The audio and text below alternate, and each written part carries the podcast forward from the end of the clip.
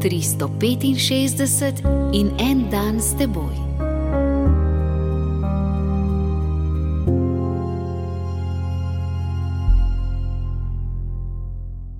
Iz knjige Psalmov, 139. poglavje, 19. vrstica.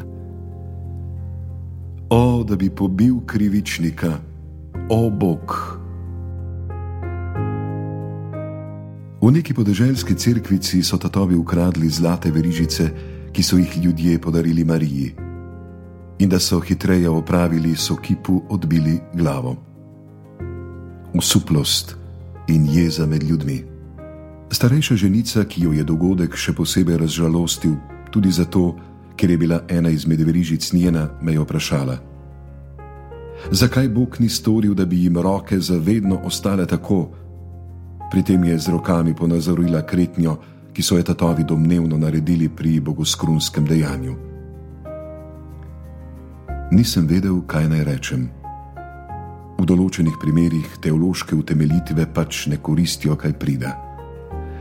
Toda neka druga ženska je odgovorila: Če Bog ni storil, da bi ostale tako roke tistim, ki so mu umorili sina, pomisli vendar ali bi poslal takšno kazen za malenkost zlata.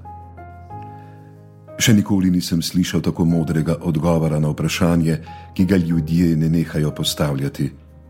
Zakaj Bog ne kaznuje tistih, ki delajo hudo?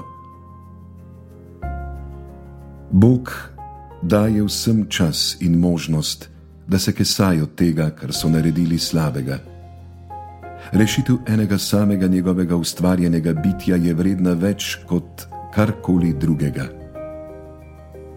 Rekli boste, če bi Bog kaznoval, veste, koliko bi bilo spreobrnitev?